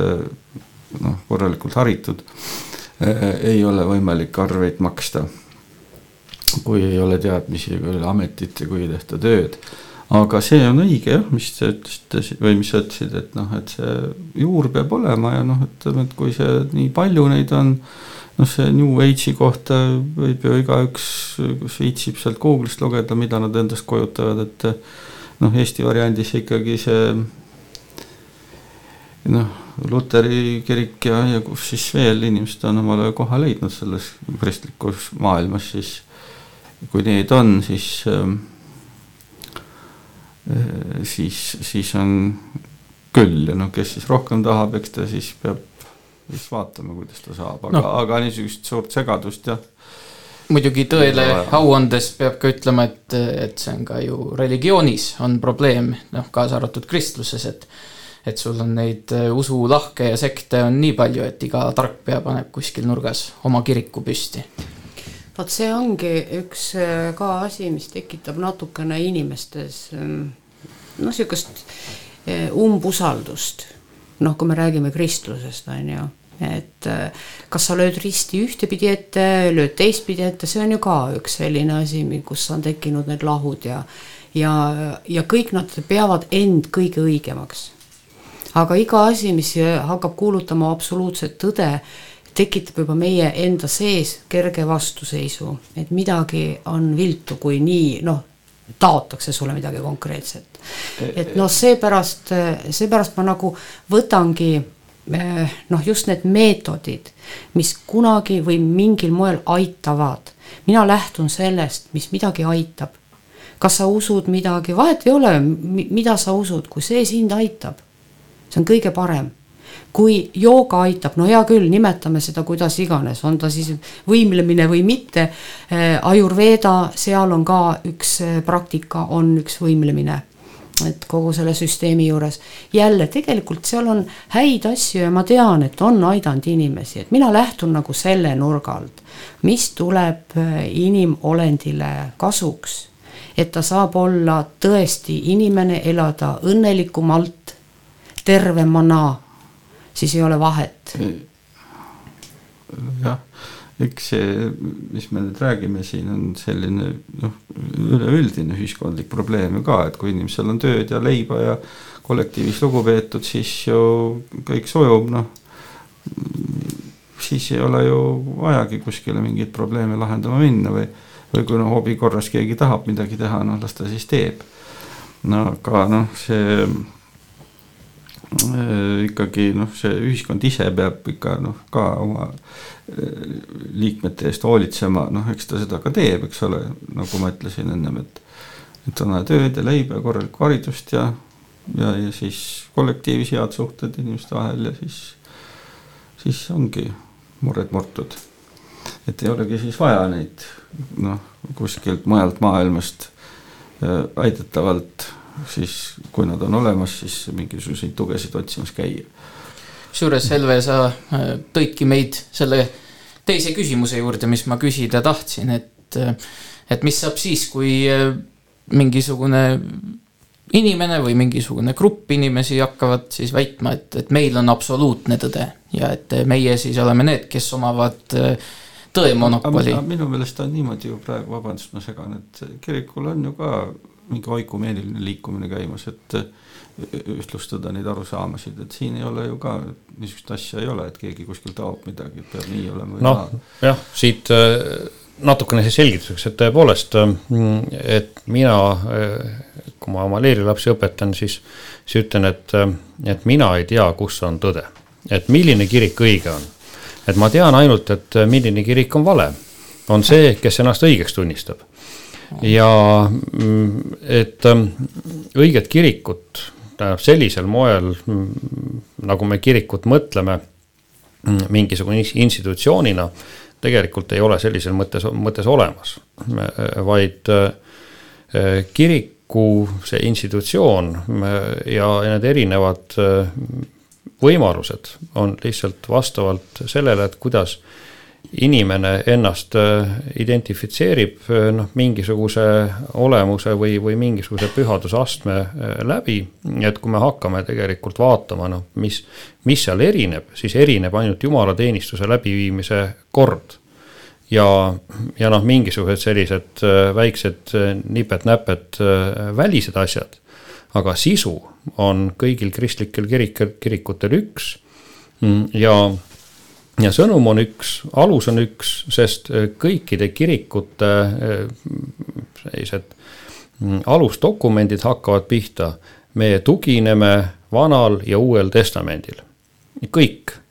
ja, ja nüüd, kui on üks alus, noh, muidugi siis siin on ka mittekristlikud usundid, noh nagu Jehova tunnistajad, mm, et äh, mis ei, ei kuulu siis samasse, samasse rühma ja noh, Eestis siis kõige, kõige levinum.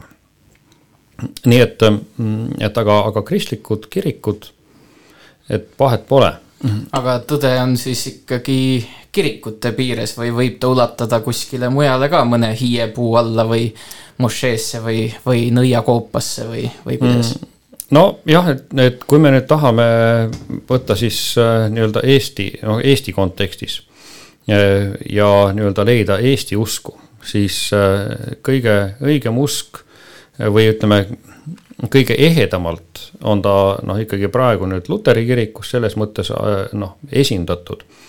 et, et kuna noh, see, see kirik on lihtsalt meil Eestis noh, nagu kandnud sellist järjepidevust, sest ju kui noh, ka see Kristus tuli siia meie maale eks äh, siis äh, hakkas see nagu koos eksisteerima selle maausuga. ja, ja noh, kui ka kirikuid vahel hiide ehitati või noh, ütleme kohtadesse, kus inimesed käia armastasid. ja, ja noh, ja siis neid suunati kirikusse, et äh, kuna siis kirik oli teenistunud ladinakeelsed, ega nad sealt midagi aru ei saanud. nii et nad ikkagi tõid nii-öelda oma nägemuse sinna kirikusse ja kuna see kestis piisavalt pikka aega see äh, selline noh, mit-, mitusada aastat. et nad äh, siis nii-öelda oma, oma nägemust sinna panid, siis, siis paratamatult see segunes. nii, nii siis see kirikuõpetus kui siis see een-, eelnev paganlik õpetus. ja nad noh, pidid kuidagi teineteisega toime tulema ja nüüd noh, see on nagu üks jõgi nii et alguses äh, oli aru saada, kus need erinevad molekulid seal jões asuvad. nüüd on ta kõik üks. ja nii et, äh, et noh, sellega seonduvalt äh, jah, et kui, kui me nüüd tahame nii-öelda oma, oma midagi leida, noh siis, siis öeldaksegi, et no miks luteri kirik on nagu, nagu rahvakirik või suurem kirik, et, et noh, see on noh, selle, selles on nii-öelda omad, omad miinused ja omad plussid Mm, et tuleb, tuleb palju järe, järeleandmisi teha, ei saanud nii rangeid piire luua, aga samas on jälle kõigil võimalused. ja, ja nii-öelda selline rahvatunnetus on siis äh, nagu selles, selles kirikus kõige, kõige paremini nii-öelda kogetav. aga samas, kui noh, meil, meil on nii palju erinevaid inimesi mõni on noh, äkilisem, siis ta läheb kusagile teise kirikusse, kes tahab natukene mm, tagasihoidlik olla ja noh, väga, väga laia ampluaaga võtta, tuleb luteri kirikusse, et tahab olla siis sellise mm, väga noh, mm, sellise müstilise, läheb õigeusu kirikusse, et, et noh, kõik selline oma, oma tunnetuse küsimus, mida sa tahad leida kirikust. aga ja. üldiselt on ikkagi ju iga usund omamoodi kuulutab oma tõde olgem ausad, ta on ju niimoodi. ja selle eelduseks on ka see, et ja. meie tõde on õigem kui teised tõed. aga vot tõe teemal noh, selline, kas on vaidlused või arutelud, et on sama nii nagu reaalsuse teema, mida me eelmine kordki rääkisime, et, et väga sihuke mitmetahuline. et äh, ma olen sellist näidet, ma ei mäleta, kas ma eelmine kord ütlesin elevandi näidet mm? -mm. ei ole et tõde on samamoodi nagu ütleme niimoodi, et me oleme siin ruumis ja meie siin ruumis on elevant. meid on praegu neli, üks on ees, vaatab sealt nii-öelda londi osa, teine vaatab tagapoolt ja kaks tükki on külgede peal. isegi küljed võivad erinevad olla ja igaüks räägib selle kohta, mida tema näeb. ja see on õige ju, see ongi nagu tõde ja me vaidleme omavahel, ma ei räägi, et meie siin neljakesi, aga noh, niimoodi suuremas plaanis on ju. inimkond vaidleb omavahel, kumb on tõesem. aga tegelikult on elevant üks. tõde on samamoodi, midagi on üks, aga me kõik näeme erinevate nurkade alt, nii on ka nende usunditega. et iseenesest kõigil on justkui tunnetus, kuskil see tõetunnetus, aga ta näeb nurka erinevalt. tõestame seda teadlikult või usundi kaudu, vahet ei ole. elevant on ruumis üks, ainult me näeme erinevat külge no,. Tead nagu..., tead, mis ma kuulsin ükskord, kuidas keegi sellele loole eh, reageeris, et seda lugu on eh, päris palju räägitud ja, ja, ja mm, keegi siis ütles niimoodi, et kui sina selle loo räägid, et siis sina ütled, et need kõik teised, kes seda elevanti seal näperdavad, et nemad on siis eh, pimedad.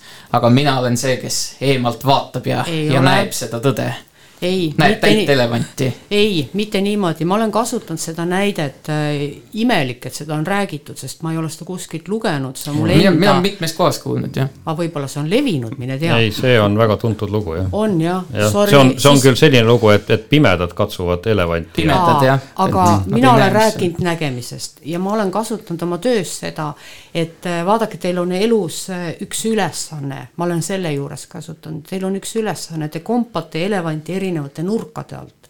ja see ülesanne on lahendatud siis, kui te saate aru, et ah, see on ju elevant siis ei ole selle mure, probleemi ja teemaga teil enam vaja tegeleda, ma olen niimoodi kasutanud. aga praegu ta käib ilusti tõe kohta ka, mitte mina ei ole tõekuulutaja, ma tõin ainult näite, et me kõik kompame oma nurka ja kõik usume, et see on nagu mingi ülevaade. noh, siin muidugi Tarvo tõi ennem esile selle, nimetas see oikumeeniline koostöö ja ja eks noh, püütakse seda, seda konsensust luua ja noh, ka luua sellist äh, arusaama, et, et me ei pea mitte üksteisega kaklema, et me noh, need erisused, noh, mis, mis on, ma ütlesingi, et need on ainult sellised värised erinevused, mis võivad nagu tunduda, et need on, on väga suured. et, et tegelikult õpetuslik eri, õpetuslik on sama alus et aga just siis selle oikumeenilise Eesti, Eesti Kirikute Nõukogu on näiteks, äh, kus siis Eestis äh, seda, seda ühtsust püütakse luua, sinna kuulub üheksa, üheksa kirikut. Ja, ja noh, muidugi võime ütelda, et Eestis on oikumeenia ehk siis see kirikute koostöö väga, väga tugev, et no isegi katoliku kirik kuulub sellesse EKN-i mis on ka natukene noh, mujal maailmas ime. nii et me Eestis oleme tegelikult ikkagi väga sellist koostööd otsivad ja, ja, ja et, et noh, mina ei tahaks üldse rõhutada seda, seda erinevust, sest seda selles mõttes jah, me võime erinevusi, just nagu ma ütlesin, on erinevus kristliku ja mittekristliku ja vot siin tuleb teha vahet lihtsalt, et et ja teine on ainult selline visuaalne äh, väljapaistmine. vaata, sa rääkisid ka sellest, et, ähm, et kirik annab seda äh, rahva vaimsust siis äh, edasi ja ja, ja, ja tõepoolest, et nendel rahva uskumustel ja, ja, ja kristlikul usul on mingisugune dialoog olnud ja mingisugune omamoodi sümbioos on tekkinud siin selle seitsmesaja, kaheksasaja aasta jooksul, mis seda ristiusku meil siin äh, olnud on, aga samas ähm, kirik ju ikkagi on vaeva näinud sellega, et neid äh, noh, kiriku hinnangul siis valesid uskumusi välja juurida, et äh, tuleb äh, meelde üks juhus, kus Ungari kuningriigis keskajal taheti hakata hirmsasti nõidu põletama.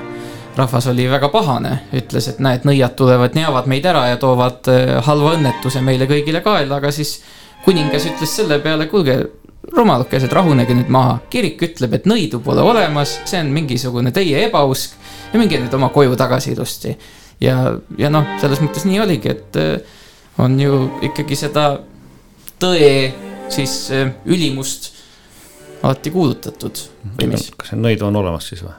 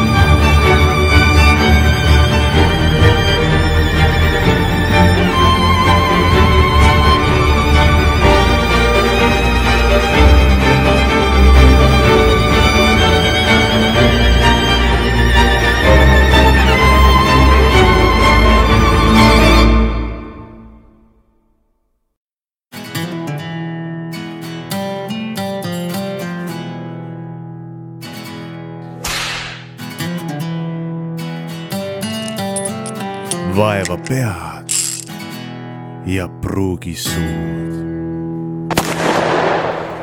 ei no inimene on inimene, ükstapuha, on ta siis äh, nii nagu sa ütlesid, kirikupapp või on ta, nimetab ennast nõiaks, et noh, ta võib, või on ta füüsik, noh. siis me võime nimetada kuidas iganes ennast, on ju.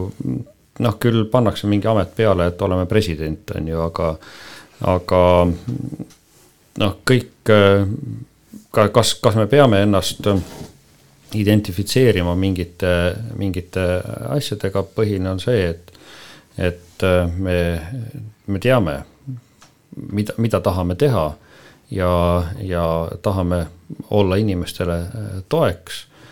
igat noh, ka teaduslikult toeks, äh, vaimselt toeks, äh, hingeliselt, et noh kas, ja aga noh, jah, et, et loomulikult iga inimene võib ise olla tugev ja, ja lõpuks peab ta ise, ise õppima ja ise leidma ja, ja ise saavutama midagi, et et ega kedagi ei saa vägisi kuhugi viia. ei saa sa joodikut äh, teha kaineks äh, ega, ega muud, äh, kes ei taha ennast aidata lasta, see, seda ei saa aidata ja kes ei taha õppida, ei saa õppida, õpitud, nii et. et lõpuks ikkagi vastutus langeb igaühe inimese peale, et. mina lähtun alati sellest, et vahet ei ole, milliseid võtteid või meetodeid kasutada, kui konkreetselt isikul on vot konkreetselt selles olukorras, selles probleemis, selles mures midagi vaja, mis on, vahet ei ole, millisse usundisse see kuulub, vahet ei ole, millisse uskumisse kuulub, kui temale tuleb see kasuks, ma olen saatnud inimesi ka kirikusse muide, tõesti, kui on olnud, ma olen öelnud, et minge, te saate sealt kõige rohkem, noh, palvetades ja paludes ja nii edasi. seega ma ei põlga ära mitte midagi ja, ja ma teen kõigega koostööd, samamoodi ka teaduse pool. tõesõna on asju, mille puhul tulebki tuua mõni jalgupidi rohkem maa peale, öelda, et kuule, tead, ära lenda nii palju laiali. ei ole vaja igas olendis, kes põõsa tagant välja kargab, näha kohe mingeid sümboleid, mingisugust müstikat. See on lihtsalt jänes, täiesti tavaline jänes võtta rahulikumalt ja, ja siin tuleb ka teadus, nii et mina pooldan täies mahus koostööd. see on iga nurgaga, iga mm, nähtusega, millega iganes. seega, mis asi see püha tõde on, ma ei keskendu sellele. võtangi, mida on vaja, seda tuleb kasutada. mida vaja ei ole, selle külge ei tasu kinni jääda et noh, mõnikord liiga uskudes midagi, ainult ühte, võib liiga kinni jääda ja see on pimedaks jäämine.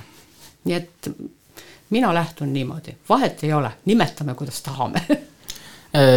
Kirikuõpetaja on olnud siis siin võrdlemisi diplomaatiline selle, selle püha tõe osas, aga füüsikaõpetaja on jällegi palju julgemalt öelnud, et äh, ei ole siin midagi sellest pühast tõest kõrvalehiilimist või mis mõtetega sa seda juttu kuulad siis? no vähe selle elevandi juurde tuleks tagasi, et tegelikult siin me nüüd näeme, et see füüsika õpetamise metoodika ühes füüsikaõpikus mis on Eesti koolis ka on käibel olnud, võib-olla praegu veel noh, paberõpikutest oli, ma ei mäleta, ilmselt üheksas klass. kus sedasama elevanti uurisid siis pimedad, noh, teadlased ja siis ta oli siis mõeldud selgitamaks seda, et kuidas nüüd eh, teadlased peavad uurima aatomit, aatom on nii väike, noh ja siis niimoodi seda uurida saab kaudselt ja noh, kui nüüd teadlased ei näe, eks ole, igaüks siis on seal oma selle elevandi osa juures, siis ta räägib teisele teadlasele seda, mis ta siis parasjagu nüüd koges.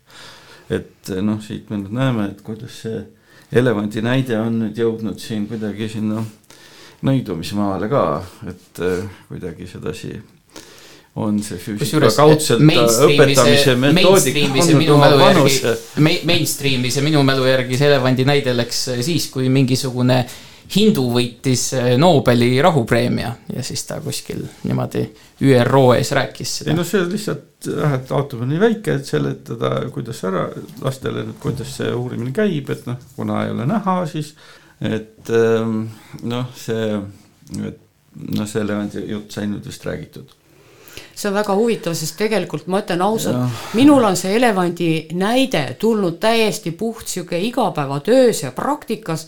ma ei ole seda lugenud, ma tunnistan päris ausalt no. ja mind üllatab praegu see, et ju ma siis panin midagi täppi. ei no ikka koolis käisite, küllap siis õpetaja rääkis. ei rääkinud, no vähemalt meeles ei ole. aatomi uurimisest et noh, et ei ole näha hästi ja siis nagu teadlased see oli siis, nii ammu no,. kõrgemad võimud jutustasid sulle. aga mis puutub sellesse koostöösse nüüd siis noh, siin on asi nüüd niimoodi, et Eesti Haridusministeeriumile ka vist kunagi esitati taotlus Võluri koolide avamise kohta, õnneks neil oli ikka seda vaimujõudu seda tagasi lükata. et ähm, koolist luba ei antud niisugustele koolidele, et kui noh, selle koostööga on nüüd niimoodi, et, et lihtsalt peaks leppima ühiskond kokku, et me oleme sallivad üksteise suhtes, aga selle koostööga on nüüd sedasi, nagu ta on, et kui me üksteist sallime, siis sellest peaks piisama. sest noh, ütleme, et see, kes tõsiselt teadusega tegeleb, ega tal seal ei jää aega enam noh, selliste asjadega tegelemiseks noh, mis siis nüüd on teadusvälised, eks ole, et äh, ka see töö on pühendumine raske ja nõuab seda aega, energiat. aga, aga ega minu töö on salli... täpselt samamoodi Aa. ja, ja mina leian no. seda aega, et kõigiga leida neid nurki, et teha koostööd, mis tuleb teisele isikule kasuks Te mõtlete koostööd nüüd? kõigega, kõigega. kõigega. aga miks teadlased ei leia seda aega? ei no seda on leitud ka, aga noh, lihtsalt kui neid ja hakati uurima, siis on nad ära seletatud ja noh, ütleme, et siis noh, näiteks nagu ütleme näiteks seesama termodünaamika, mis ma nüüd rääkisin siin ennem, et selle igiliikuri loomise kohta, et Nõukogude Liidu Teaduste Akadeemia minu meelest möödunud sajandi viiekümnendatel, siis oli juba ikkagi televisioon ja ja, ja noh, teadus seal ikka üksjagu saavutusi ja lükkas alles või noh, võttis vastu otsuse, et me enam ei vaata läbi igiliikurite projekte, sest sellel ei ole mitte mingisugust mõtet. ja, ja noh, siis noh, ütleme, et seda teadusasutust, kus on niisugused lepingud ja, ja tähtajalised tööd ja grandid, mida nad peavad siis õigustama, et seal lihtsalt ei ole aega selle jaoks enam, et noh, tõestada seda, mis juba ammuilma on ära tõestatud. Et noh, kas siis on nii või ei ole noh, tähendab, et siis ütleme selle nõidumise variandi puhul siis ei ole, eks ole. et noh, see on nüüd ikka selline asi, mis, mis noh, seda noh, ma ütlen, see koostöö saab olla siis teise sõnaga, see on sallivus, et noh, inimesed on sellised olemas. tegelevad sellega ja, ja noh, mis siis ikka, eks ole aga, aga noh, ütleme, et seal nüüd mingisugust koostööpinda teadusega ma küll hästi ei näe. see ongi meie erinevus. Et äh, teadus on jäigalt ühe asja küljes, vabandust, ma ei ütle teaduse kohta midagi halba, absoluutselt, see on aga... kõik õige, mis nad teevad ja kõik puha, aga vot siin ongi, üks on paindlikum ja teine on nagu jäige. ei ole õige. See, see, teatud maailmavaade, mis ei, ei, tähendab, see teaduses on ka ju, ütleme noh, teadlased on mõelnud ju välja relvad, mis inimesi hävitavad, eks ole mm -hmm., noh, ütleme, et see noh paraku see nii on, eks ole. Ja nüüd kõik sõltub taustsüsteemist, kuidas me nüüd selle peale vaatame, et kas see nüüd, mida see või teine teadlane tegi, kas mis, mis, keda ta nüüd aitas või, või kuidas ta mõjus. teadus on tööriist, eks, ta ei ole maailmavaade. ei, ei mm. pruugi olla alati õige, mis nad, mis nad on teinud, aga noh, küsimus on selles, et noh, ütleme, et seda asja nüüd uuesti hakata teadlastelt nõudma, et nad hakkaks tõestama uuesti seda, mis on juba ammuilma ära tõestatud, no seda Äh, aega ja ressurssi lihtsalt ei ole, mitte et keegi ei taha teha, vaid lihtsalt keegi ei jõua ja ei ole aega teha. no ma pigem ütleks siia, et see ei olegi tegelikult teaduse ülesanne, me ka teha, teha koostööd ütleme sellise noh, selle, selle vaimse poolega, sellepärast et, et teaduse ülesanne on leida tõest-, tõestusi, midagi nii-öelda füüsiliselt esitada. Äh, ja, ja noh, see ei tegele nii-öelda inimese hingeliste küsimustega. et, et see alus te,, tegutsemise alus on teine ja et selle, sellepärast ei olegi ka teadusel mõtet äh, hakata sellega, sellesse üldse süübima. et ta annab äh, ravimi, ta on oma, oma ülesande täitnud. Noh, ütleme, et ei, me, me ei saa tõestada mm, ära Äh, seda, seda vaimset maailma me noh, kuna nagu ma ennem ütlesin, et me oleme hoopis noh, sellega teises dimensioonis. ja, ja meil, meil ei ole seda, seda mõõtealust, et millega seda, seda mõõtma hakata. nii et noh, sellepärast nagu teadus ei saa ja, ja ta oleks nii-öelda noh, ülekohtune või ütleme, ta oleks siis äh, noh, nagu vales, vales kohas kui ta üldse sellesse, sellesse süü-, noh, süübiks. ta võib lihtsalt ütelda, et hea küll, on olemas, on ju, on, noh, ma ei tea ja noh, tehke, mis tahate. et aga ma, ma ei saa anda, noh, nagu arstki ütles, et ma, et ma ei saa ju soovitada äh, teile mingisuguseid äh, teesid juua, on ju. sest äh, noh, ma ei tea, kas see aitab või ei aita, on ju, ma, aga see, see keemia paratamatult lihtsalt teeb noh, selles inimeses selle, selle lahendi, eks mm. -hmm. ma natuke täiendaks seda, et noh, ega see teaduse seisukohalt ei ole ka see, et noh, mina nüüd selle füüsikaõpetaja tasandil siin sellest teadusest võib-olla äh, rääkima nii hooga, sest kõiki näiteid lihtsalt ei tea aga noh, üks asi, mis praegu meelde tuli, oli see, et noh, ega see teadlased ei lükka tagasi ka kõiki neid asju, mis nüüd inimesed tulevad murega, räägivad, et on nähtud, tehtud. Noh, Ameerikas oli minu meelest oli möödunud sajandi kuuekümnendatel, et noh, nii palju neid ufo nähtusid, et noh, et mis siis on, eks ole, et mis nad on. hakati siis uurima, noh, kaks protsenti jäi seletamata, ülejäänud said kõik teadusliku seletuse aga noh, ütleme, et sellega lihtsalt noh, nagu ma ennem ütlesin, teadlastel on igasugused need projektid ja asjad käsil, neil ei ole aega sellega tegeleda. Et noh, seal on ikkagi rahad taga ja tellimused ja oodatakse ja noh, pole lihtsalt ressurssi ajalist ja aga kui noh, kui ütleme, et see läheb suureks, paisub ikka, siis noh, võetakse ennast kokku ja tehakse see asi ära. Aga noh, nüüd ja nagu ma ka ennem ütlesin juba, et noh, ma nüüd lugesin, et see Ameerika kosmoseagentuur, siis see NASA, et pani uurimisrühma kokku, et seletada siiamaani seletamatuid neid noh, mida ei ole seletatud ära atmosfääri nähtused, et mis nad siis on noh, nüüd siis hakkavad teadlased tööle ja selle jaoks on rahad leitud ja mõõtmisvahendid ja kõik asjad siis ilmselt, et varsti siis kuuleb, et mis nad siis, mis nad siis ära seletavad, nii et päris nii ei ole, et noh, et nüüd lükkame kõik kõrvale, ei ole, eks ole, kui ikka võimalus on ja, ja noh, nii palju huvi on, siis ikka võetakse sõna ja uuritakse välja, seletatakse lahti ja aga noh, see ei saa olla niisugune noh, mingisugune noh, leping nüüd instituudi ja siis ma ei tea. nõidade vahel võiks ju olla. noh, kui Saam-. ma ei oska öelda. Samuel seal enne, ennem ütles, et ma olen selline. kui seda teha niimoodi projekti korras seal, anda mõnele.